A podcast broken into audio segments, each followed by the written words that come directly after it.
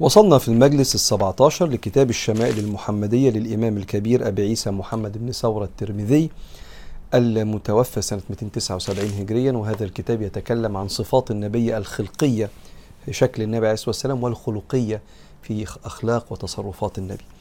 والنية من دراسة الكتاب ده التعرف على رسول الله والتعلق به صلى الله عليه وسلم.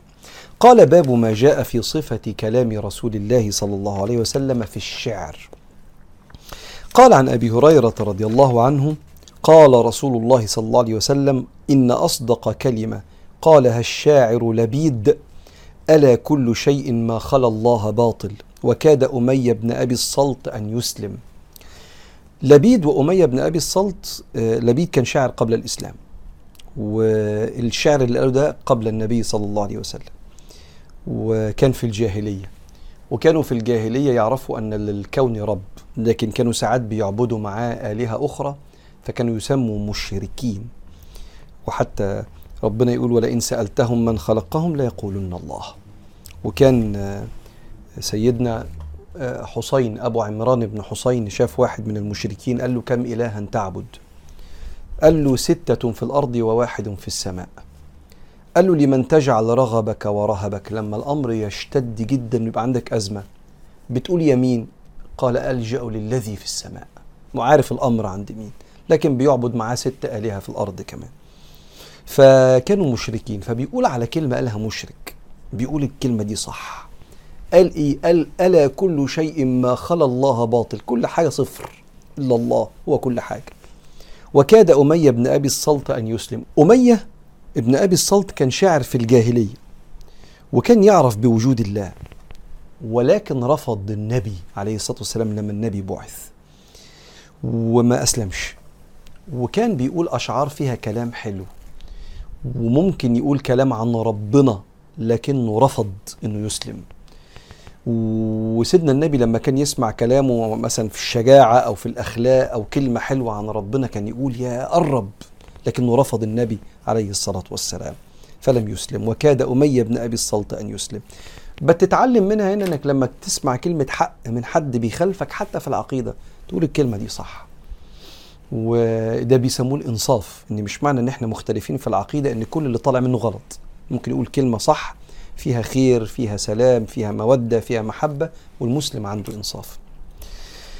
قال آه آه حدثنا شعبة عن الأسود بن قيس عن جندب ابن سفيان البجلي قال أصاب حجر اصبع رسول الله صلى الله عليه وسلم فدميت.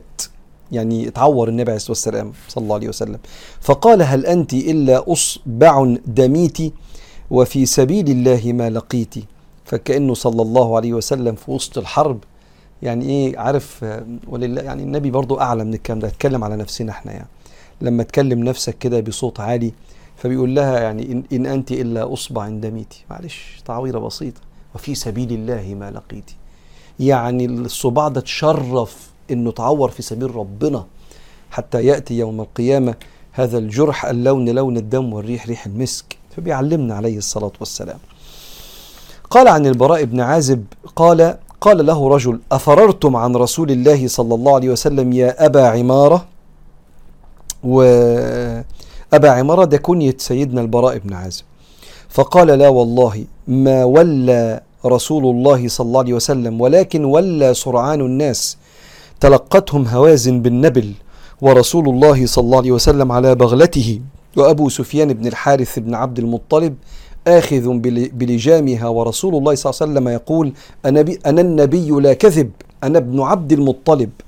في غزوة حنين في بداية الحرب المسلمين كانوا معجبين بعددهم الكتير كنا 12 ألف. ويوم حنين إذ أعجبتكم كثرتكم فلم تغن عنكم من الله شيئا وضاقت عليكم الأرض بما رحبت ثم وليتم مدبرين. حصل زي كمين كده من المشركين وكان عددهم 30 ألف. فالكمين ده خلى حصل لخبطة في الجيش فبدأ الجيش يتراجع فبيقولوا أنتوا فررتم عن النبي؟ قال له لا استنى النبي ما فرش صلى الله عليه وسلم ده كان واقف وإحنا بنتراجع هو اللي كان واقف في وسط العدو. وأبو سفيان ابن الحارث بن عبد المطلب عم النبي عليه الصلاة والسلام ماسك لجام النبي والنبي في وسط المشركين يعلن عن شخصه الشريف صلى الله عليه وسلم أنا النبي لا كذب أنا ابن عبد المطلب. فكأنه صلى الله عليه وآله وسلم صاغها بهذه الطريقة شجاعة. فإحنا بنتكلم على كلام النبي صلى الله عليه وسلم في الشعر فصاغها بهذه الطريقة وكان شيء مختلف. إنك في وسط الأعداء تعلن عن شخصك. يمكن مش كل الأعداء عارفين شكل النبي. دي قبائل معادية ممكن يكونوا ما شافوش النبي قبل كده عليه الصلاة والسلام. فكونك تبقى لوحدك وصدرك لصدر العدو هذا بيرجع الصحابة اللي بيبث القوة في الصحابة. وكان يقول لهم إلي عباد الله. وفعلا جمعهم بعد ما كانوا فروا بعد الكمين ده. حدثنا آه، ثابت عن أنس أن النبي صلى الله عليه وسلم دخل مكة في عمرة القضاء. وابن رواحه يمشي بين يديه وهو يقول ابن رواحه بيقول الشعر بقى. في يوم فتح مكة يوم آسف عمرة القضاء. كان النبي راح يعمل عمرة بصلح الحديبية رفضوا مكة وتصالحنا. رجع النبي والتاني سنة جه زي ما مكتوب في الصلح تعملوا العمره السنة الجاية. فسميت عمرة القضاء لأن هم قضوا فيها العمرة اللي كانوا طالعينها في صلح الحديبية. فسيدنا ابن رواحه بيقول خلي أو خلوا بني الكفار عن سبيله اليوم نضربكم على تنزيله. ضربا يزيل الهام عن مقيله ويذهل الخليل عن خليله. فقال له عمر يا ابن رواحة بين يدي رسول الله وفي حرم الله تقول الشعر؟ فقال صلى الله عليه وسلم خل عنه يا عمر اسكت يا عمر خليه كمل شعر. فهي أسرع فيهم من نضح النبل. النبل النبل اللي هي السهم يعني. آه وفي قول هنا من نضج النبل. كأنه عايز يقول له آه أنت بتقول شعر في الكعبة والنبي قدامك حواليك وبتقول شعر؟ فسيدنا محمد قال له آه خليه يقول الشعر. الشعر ده بيحرك الوجدان ويأثر في النفوس ويدي شجاعة ويخوف. فبيقول له سيبه يقول الكلام ده ده مؤثر جدا فيهم. ودائما الأشياء الفنية لما تكون ترضي الله ورسوله بتأثر في وجدان وفي ثقافة وفي آه، نفسية الناس. فجميل قوي قوي الأشعار والكلمات والأناشيد والأغاني اللي ممكن يكون فيها تشجيع على الأخلاق وحب ربنا وتكاتف الوطن والمجتمع. حاجة فيها معنى يرضي الله ويخلي بني آدم يرتقي في الحياة. والنبي اللي يقول سيبه ده دي أقوى من آه، من السلاح نفسه أقوى في التأثير في تغيير البني آدم من الحروب اللي بتغير شكل الدنيا. قال عن جابر بن سمرة جالست النبي قال كده جالست النبي صلى الله عليه وسلم أكثر من مئة مرة وكان أصحابه يتناشدون الشعر ويتذاكرون أشياء من أمر الجاهلية وهو ساكت وربما تبسم معه. بنتكلموا في حاجات حصلت في الجاهلية ويقولوا أشعار كانوا حافظينها. وسيدنا النبي عادته سهلة خفيفة جميلة فيبتسم كده ويسمع الناس بتقول إيه وهنا يوجههم وقت ما يشوف حاجة غلط وي...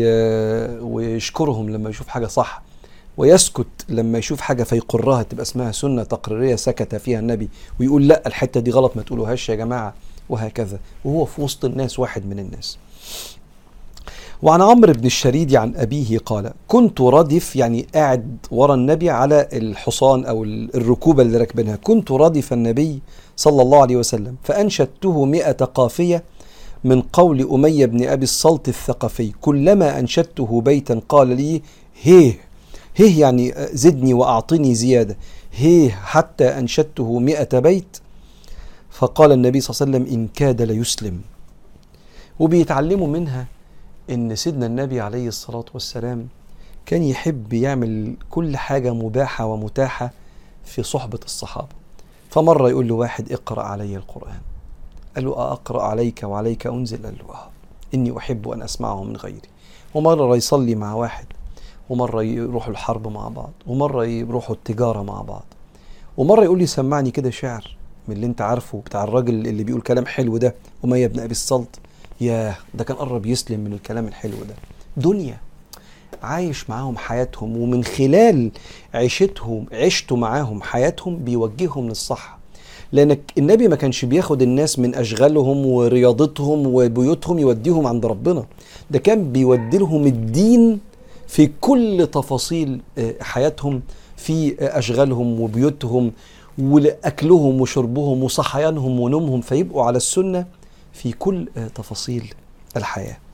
ناخد الحديث الحديثين الأخرى آه، عن هشام بن عروة عن أبيه عن عائشة رضي الله عنها قالت كان رسول الله صلى الله عليه وسلم يضع لحسان بن ثابت منبرا في المسجد يقوم عليه قائما يفاخر عن رسول الله يعني يدافع عن النبي عليه الصلاة والسلام أو قال ينافح عن رسول الله صلى الله عليه وآله وسلم ويقول إن الله تعالى يؤيد حسان بروح القدس. يعني سيدنا جبريل ما ينافح أو يفاخر عن رسول الله. يفاخر يعني يتكلم عن عظمة النبي وعظمة النبوة وعظمة الرسالة.